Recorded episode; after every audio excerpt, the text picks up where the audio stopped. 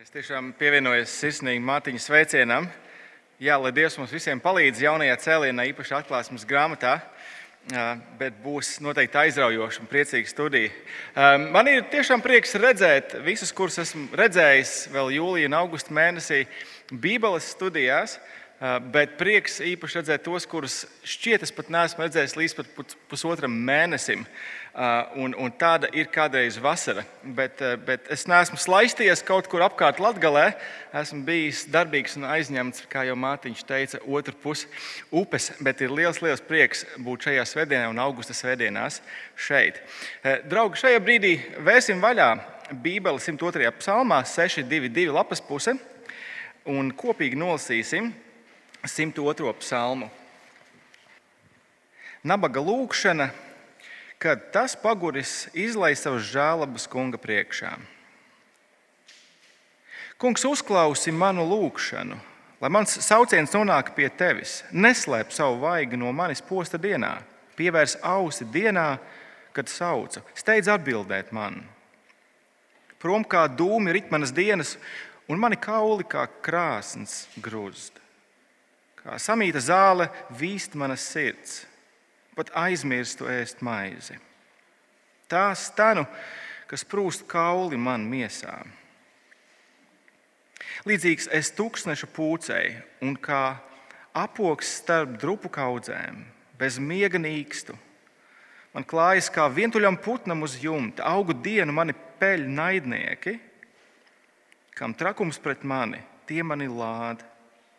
Es pīšus kā maize ēdu ar asarām savu dzērienu jaucu, tava piktuma dēļ, tavas dusmas dēļ, jo tu ņēmi un padzini mani.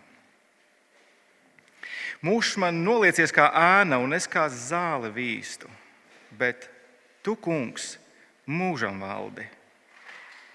Un tevi piemin augu audzēs, celies un glāb ciānu, laiks apžēlot to, kas tas brīdis ir klāt, jo tavi kalpi mīl tās akmeņus un tās pīšļus viņiem žēl.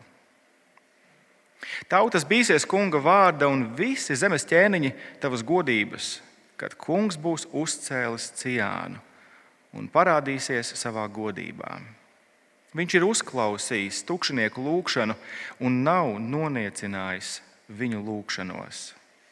Tas tiks uzrakstīts nākamajai audzēji, lai tie, kas dzims, slavētu kungu ka viņš noliecās no svētajiem augstumiem. Kungs no debesīm paskatījās uz zemi, lai dzirdētu gūstekņu vaidus, lai atlaistu tos, kam nolemts mirt. Teiks cienā kunga vārdu un slavēs viņu Jeruzalemē, kad pulcēsies kopā tautas un valstis, lai kalpotu kungam. Viņš ceļā ir salauzis manu spēku, īsinājis mani mūžu Es saku, mans dievs, neņem mani pusmūžā, augu audzēs tavi gadi. Sākumā zemē tu pamatas liki, un tavu roku darbs ir debesis. Tās zudīs, bet tu paliksi. Tās zudīs, tās izdils kā drānas. Tu tās novilksi, tās būs nost, bet tu esi tas, un taviem gadiem nav gala.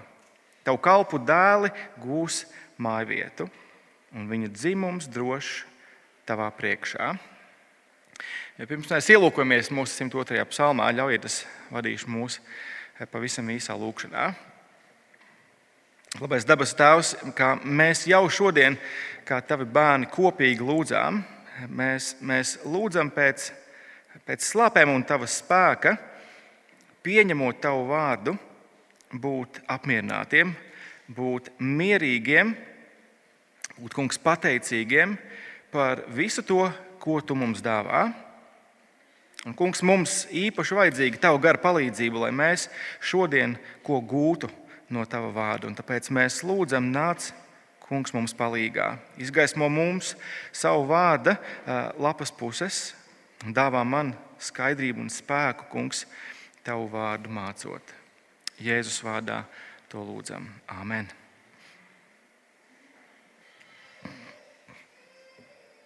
Nu, ļoti iespējams, ka, ka būs kādi jau mūsu vidū, kur domas neizbēgami slīd uz pikniku pēc dievkalpojuma.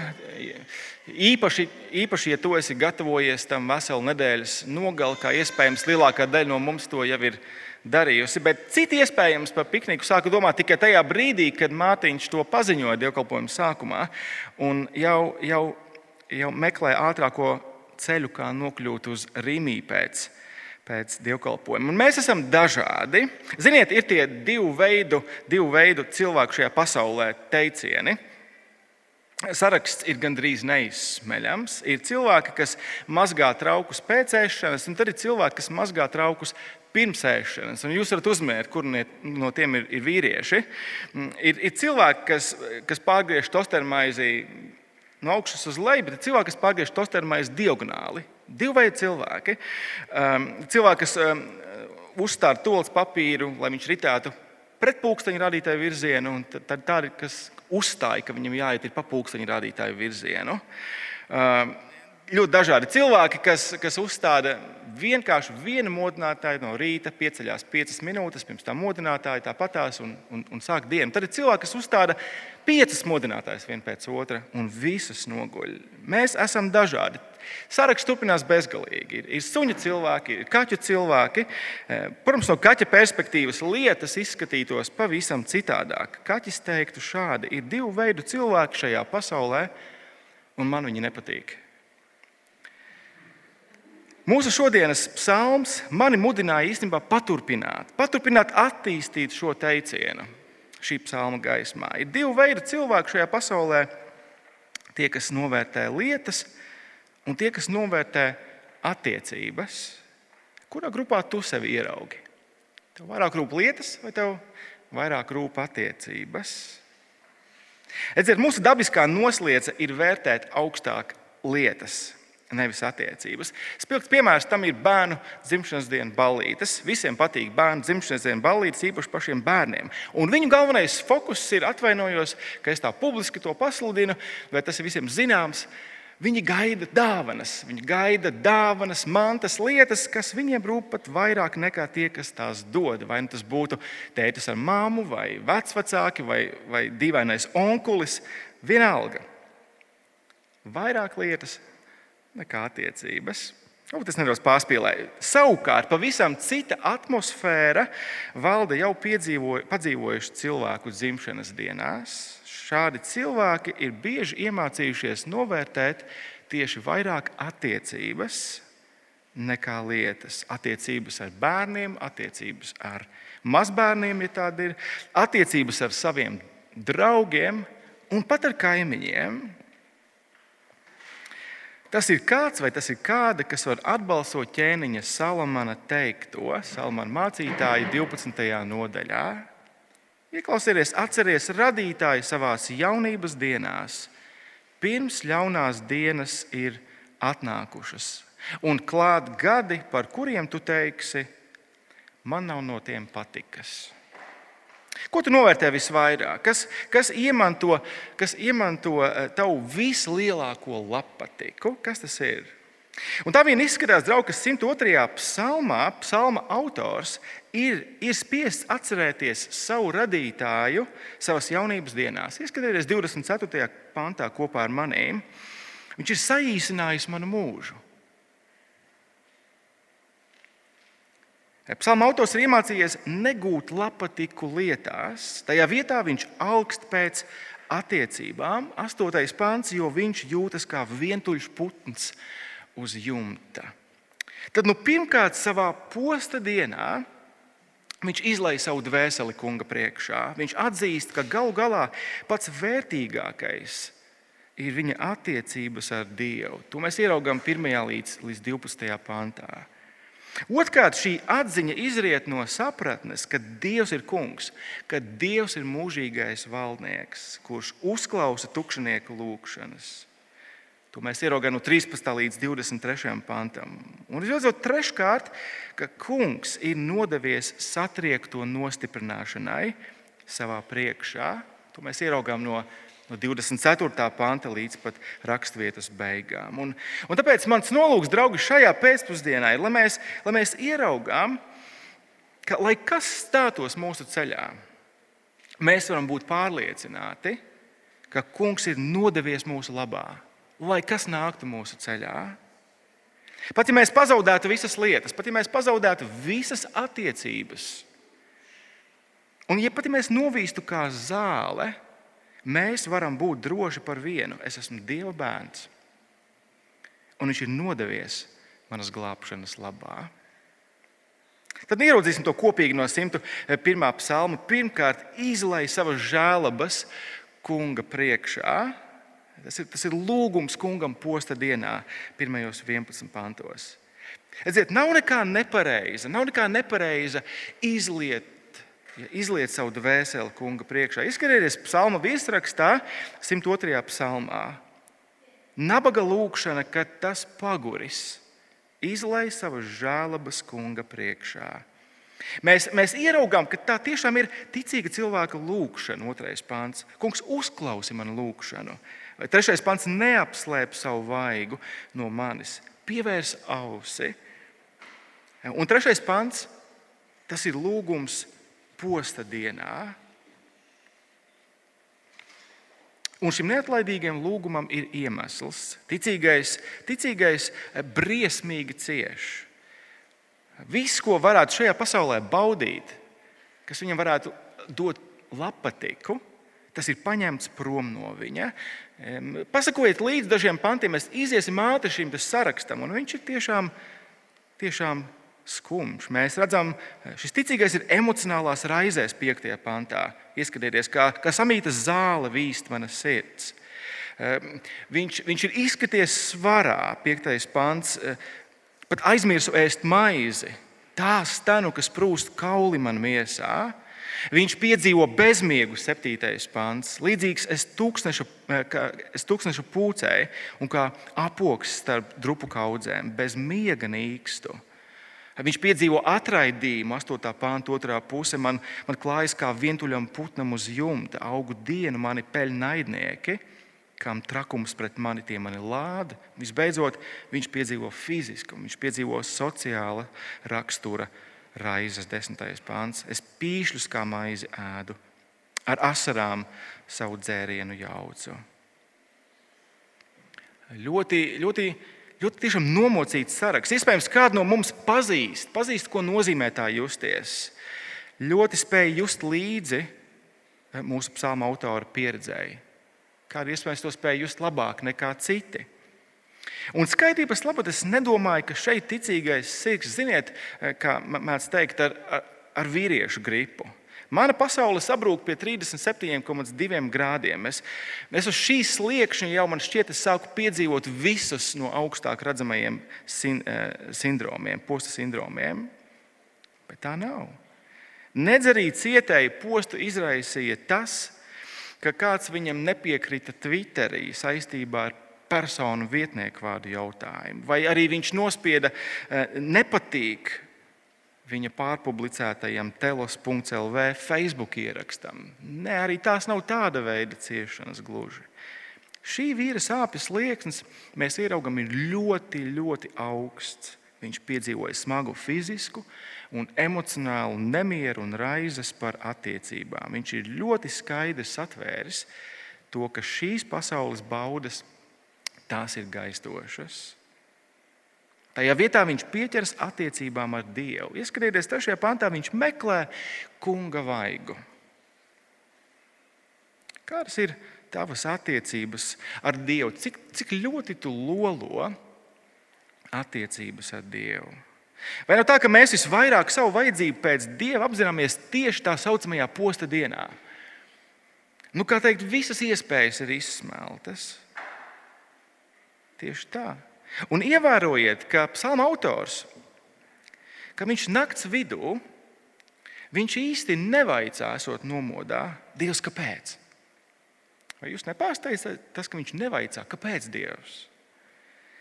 Jo viņš zina savu postu iemeslu. Viņš zina, trešais pāns, kungs ir apslēpis savu vaigu. Jo 11. pāns viņa bardzības un viņa dusmības dēļ. Un īstenībā es nedomāju, ka Dievs ir dusmīgs uz psalmu autoru, individuāli. Tāpēc, ka viņš kaut ko būtu sastrādājis šajā brīdī. Ļoti ticams, ka runa ir par ciešanu pārņemtu individu, kurš ir daļa no tautas, kas ir atmetusi dievu. Nu, dien ļoti iespējams, ka mums ir darīšana ar dieva ļaudīm Bābeles trimdā. Jūs jau labi atceraties, ka Dievs izsenis caur saviem praviešiem bija līdzis savai tautai pie sirds, ka viņš tiesās dumpīgos ļaudis. Un te nu mēs esam Dieva ļaudis, aizrauti svešā zemē, pie svešiem ļaudīm, kas runā svešā valodā, ir spiesti grūti strādāt, kamēr Dieva vaigs ir apslēpts viņiem. Un nemaz nešķiet, ka psalmista iedzīvēja šajā brīdī, vai viņa statusam, vai labklājībai, vai pat veselībai ir kaut kāda nozīme. Vienīgais, kas viņam rūp, ir, lai kungs uzklausa viņu, lai kungs apgaismo savu vaigu pār viņu, lai kungs atjauno viņu attiecībās ar sevi. Viņš ir iemācījies novērtēt daudz vairāk attiecības nekā lietas savā dzīvēm. Kas tev rūp visvairāk? Nu, es pārformulēšu, varbūt, kas ir tas, ka, ja to atņemtu no tevis, spētu pilnībā sagraut tavu dzīvi. Daudziem šķiet, ka viņa dzīve pilnībā būtu sagrauta, ja viņiem nebūtu iespēja piekļūt internetam vai viedierīcei. Es zinu kādus, kuriem tā šķiet. Bet, ja nedaudz nopietnāk, kā ir ar piemēram veselību? Es domāju, ka pirmo 12 pantu gaismā mēs varam padomāt par šo īsumā. Vai mēs būtu pilnībā sagrauti, ja mūsu veselība tiktu paņemta prom no mums? Un es to nesaku viegliprātīgi. Ik viens no mums zina, ko nozīmē. Lielākā daļa no mums zina, ko nozīmē iet cauri kaut kādam veselības sarežģījuma periodam. Bet padomāsim par to. Apkārtējā, mūsu apkārtējā kultūra pielūdz veselību. E, tā noraida patiesību par to, ka mēs novīstam kā zāle, neizbēgami. Sekulārā trīsvienība, fitnesa, farmācijas un pārtikas industrijas veidolā apsola mums pagarināt mūsu dzīvi. Iedomājieties, kāds apsolījums. Un tā skubina mūs par katru cenu uz to tiekties. Un cik bieži kristieši padodas pasaules garam šajā ziņā. Es tieši pirms dažām nedēļām par šo pašu runājot internacionālajā draudzē, pēc tam runāju ar kādu tieši sievieti no Ukrainas. Viņš teica, eh, vai, vai kādas no tām zemēm, ka, ka tā, tā bija viņa. Viņa teica, es tā biju, es pielūdzu veselību. Es lasīju, es šēroju visu iespējamo Facebook, un tad es vienā brīdī sapratu, cik tas ir greizi. Un, draugi, es nesaku, ka mums nebūtu jārūpējas par savu ķermeni, ne, un ka mums būtu jā, jāsaka novārtā savu veselību. Nē, vienīgais, ko es apgalvoju, ir, ka mūsu ķermenis iespējams nav pats svarīgākais šajā dzīvē. Apkārt esošā kultūra pielūdz veselību. Redziet, kristieši, kuriem pats svarīgākais būs ķermenis, pielūgs dziedināšanu. Un atkal es nedomāju, ka meklēt dziedināšanu ir nepareizi. Kā tā? Nē. Tas, ko es saku, ir, ja dziedināšana ieņems vissvarīgāko lietu kristieša dzīvē, tad tās nesaņemšana tā var potenciāli sagraut mūsu dzīvi. Redziet, psalmists, psalmists tic mūsu pirmos 12 pantos, ka viņš novīst kā zāle. Neizbēgami un ka nāve agrāk vai vēlāk viņu panāks. Un tomēr mēs nekur neredzam, ka viņš meklētu dziedināšanu. Redziet, viņš nebaidās no tā, ka nāve viņu varētu sagraut, jo viņš zina, ka nāve viņu nevar sagraut. Taču viņš zina, ka viņa noteikti sagraus tas, ja viņam būs liekta piekļuve dievam. Ja viņa vaigs tiks apslēpts no viņa arī turpmāk, tad viņa dzīve būs sagrauta. Slimība, ciešanas, nāve ir sakas Dieva tiesai pār grēku šajā pasaulē. Mēs piedzīvojam tās nevēlamo klātbūtni savā dzīvē. Nāve ir pēdējais ienaidnieks. Mēs par to lasām 1. korintiešiem 15. nodaļā. Bet nāve ir pēdējais ienaidnieks, kas tiks iznīcināts. Un mēs esam aicināti iedzīvo, izdzīvot tās iznīcināšanu savā dzīvē un arī nāvē, kā ticīgi cilvēki, kā kristieši. Īstenībā šis ir citāts. Šis ir citāts no mācītāja, kuru sauc Marks Ashtons, kurš, kurš uzrakstīja mazu īsu brošūriņu, kas ir pieejama mūsu draugas kancelējā, kancelējā oficiālā.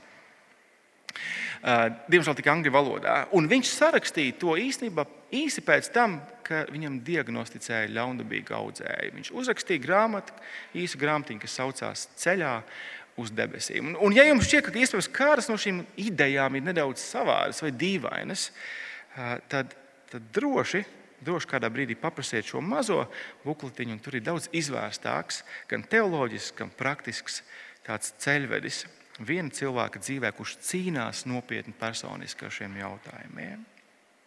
Bet, draugi, šī psalma, šī psalma gaismā mēs esam rosināti, arī mēs šodien esam rosināti izliet savas žēlabas kunga priekšā. Tas nav nepareizi. Tā ir ticīga cilvēka lūkšana. Mēs esam aicināti meklēt kunga vaigu dienu dienā, īpaši savā posta dienā. Jautājums ir, kā, kā, es varu, kā es varu izliet savu sirdi Dievu priekšā? Uz kāda pamata? Un tas mums aizved pie otrās lietas, no 13.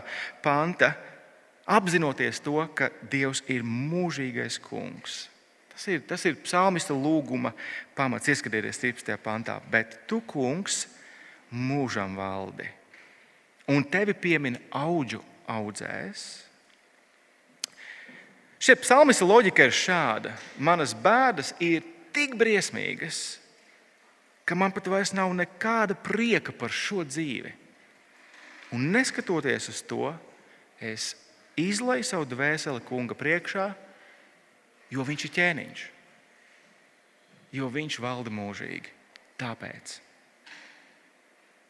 Vai mēs vēršamies savā raizēs pie Dieva mūžīgā kunga?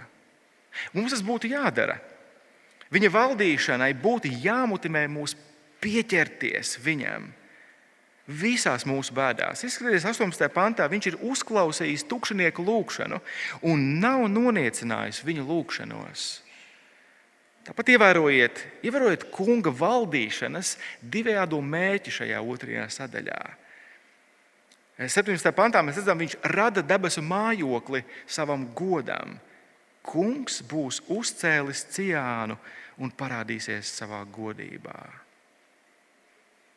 Ja ļoti iespējams, psalmistam šeit padomā ir tik tiešām Jeruzaleme. Viņš raud par dārgo pilsētu, kas guļ gruvešos, Bet nu ir pienācis noliktais laiks, lai kungs to atjaunotu. Bet, protams, jaunās derības gaismā mēs esam iedrošināti raudzīties plašāk. Mēs jau labu laiku dzīvojam 17. pantā. Kungs ceļ ciānu. Īstenībā šeit eh, oriģinālā valodā ir tagadne. Viņš ceļ ciānu, viņš parādās savā godībā. Tas notiek tagad. Ieklausieties vēstules ebrejiem vārdos 12. nodaļā bet jūs esat, jūs esat tuvojušies Ciānas kalnam un dzīvā Dieva pilsētai, debesu Jeruzalemē un neskaitām eņģeļu pulku e, svētku svinībām. Jūs esat tagad. Taugi, vai tas neizmaina mūsu perspektīvu?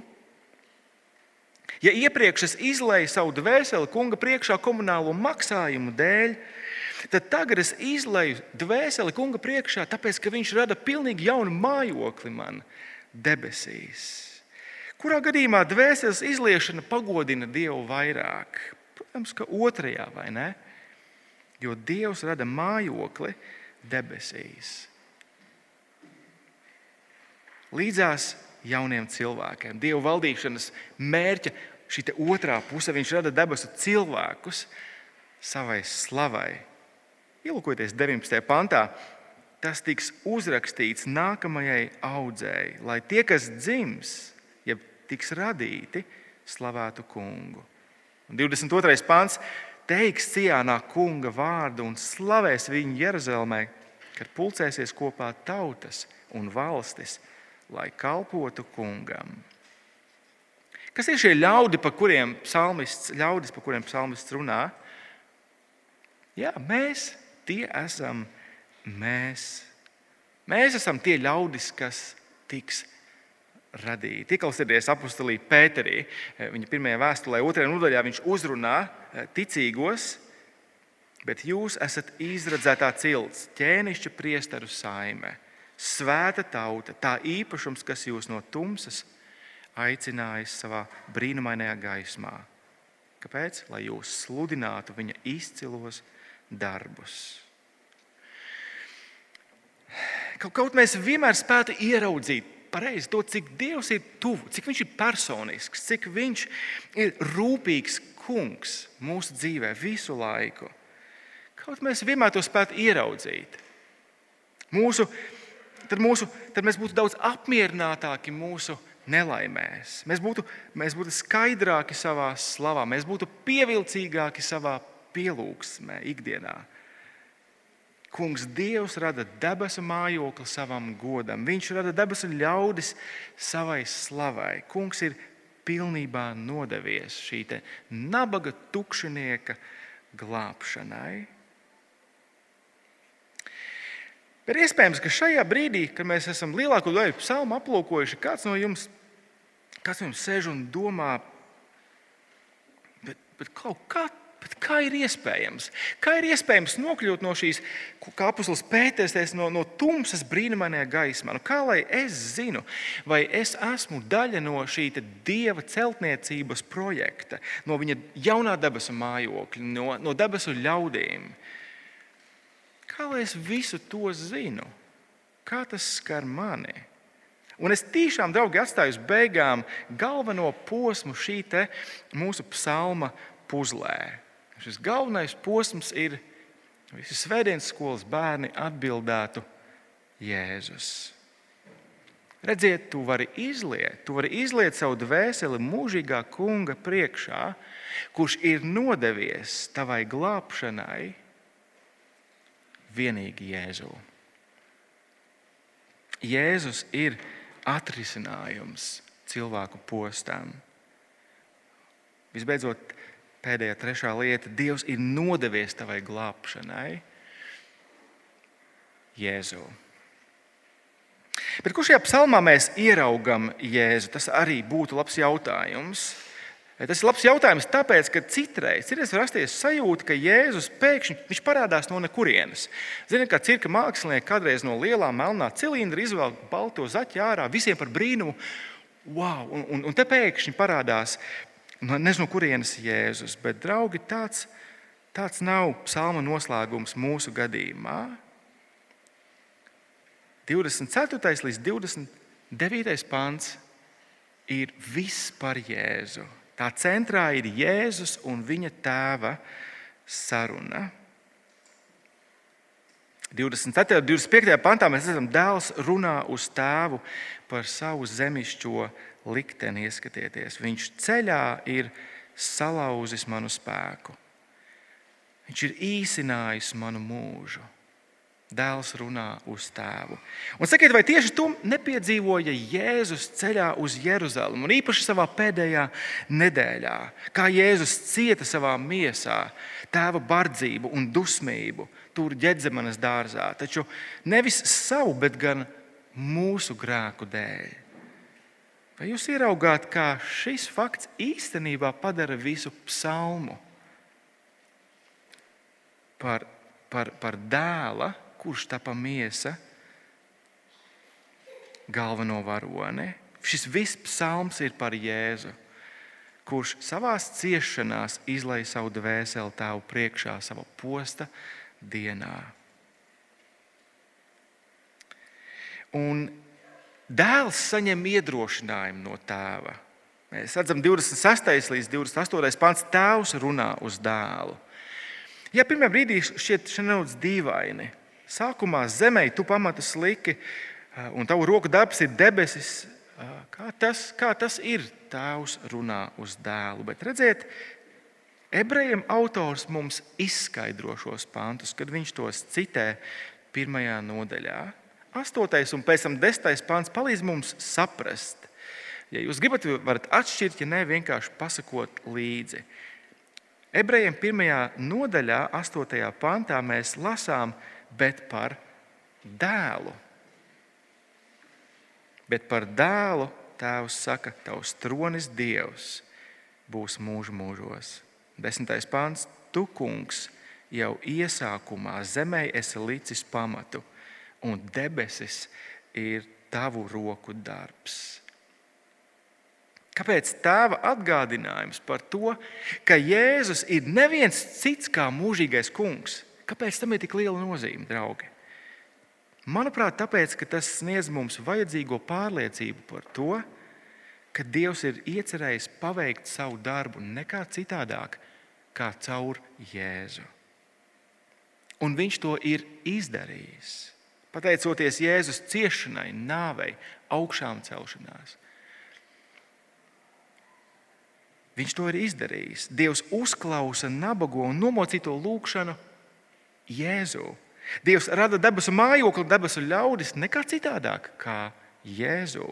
Dievs ir nodevies tam, lai viņa bērni droši mājot viņa priekšā Jēzu. Ieskatieties, visbeidzot, 29. pantā kopā ar mani. Tavu kalpu dēli gūs mājvietu, un viņu dzimums drošs tavā priekšā. Mēs ieraugām, ka vienīgais, kam Dievs ir nodevies šajā pasaulē, ir Jēzus kalpu bērni. Nekam citam. Kā tas nākās? Jo, jo 27. pāns tās debesis un zeme zudīs, bet tu paliksi. Tās izdils kā drānas, tu tās novilksi, tās būs nost, tā, tās izzudīs. Viss izgaisīs.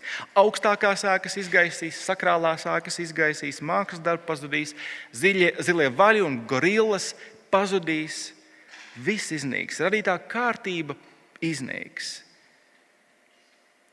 Vienīgi Jēzus, viņa kalpi, kalpu bērni paliks.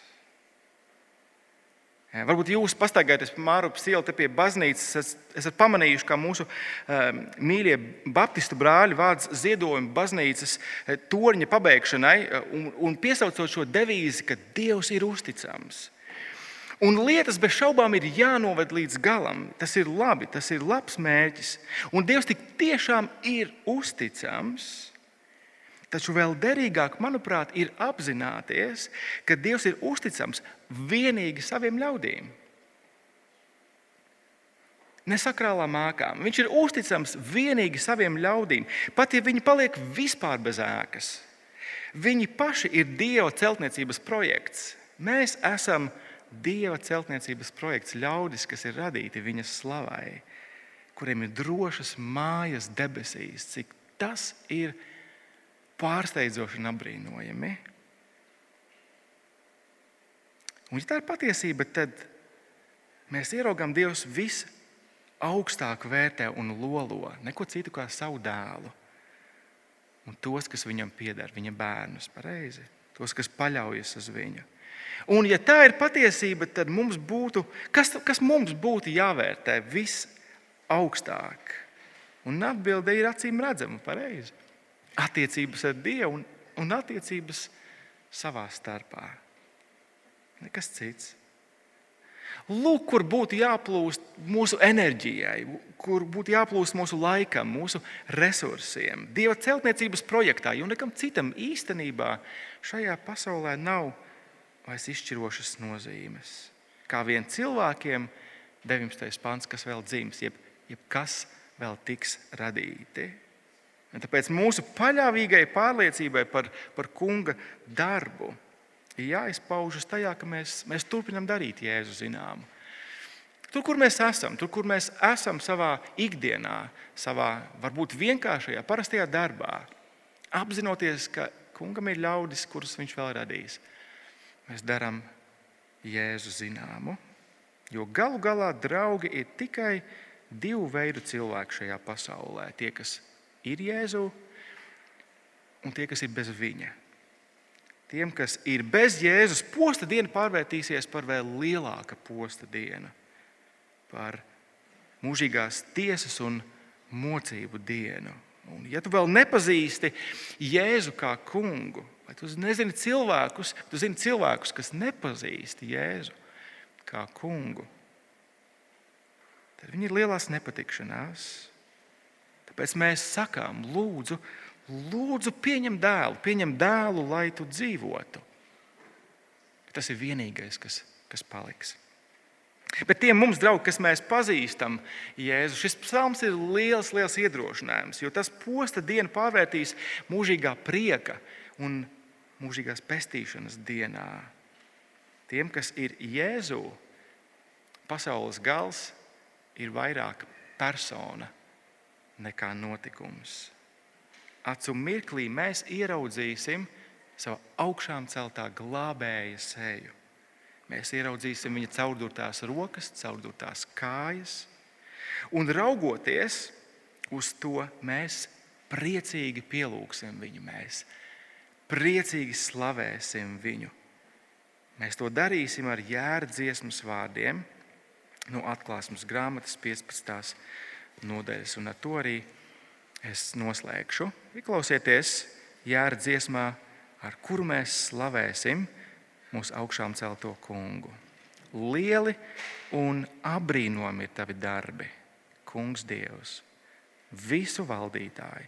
Taisni un patiesi ir tavi ceļi, tu kungs, kas esi ķēniņš pār tautām. Kas gan lai nebītos, kungs, un neslavētu tavu vārdu, jo vienīgi tu esi svēts. Visas tautas nāks tavā priekšā un pielūgs tevi, jo tavi taisnie spriedumi ir atklājušies. Amen.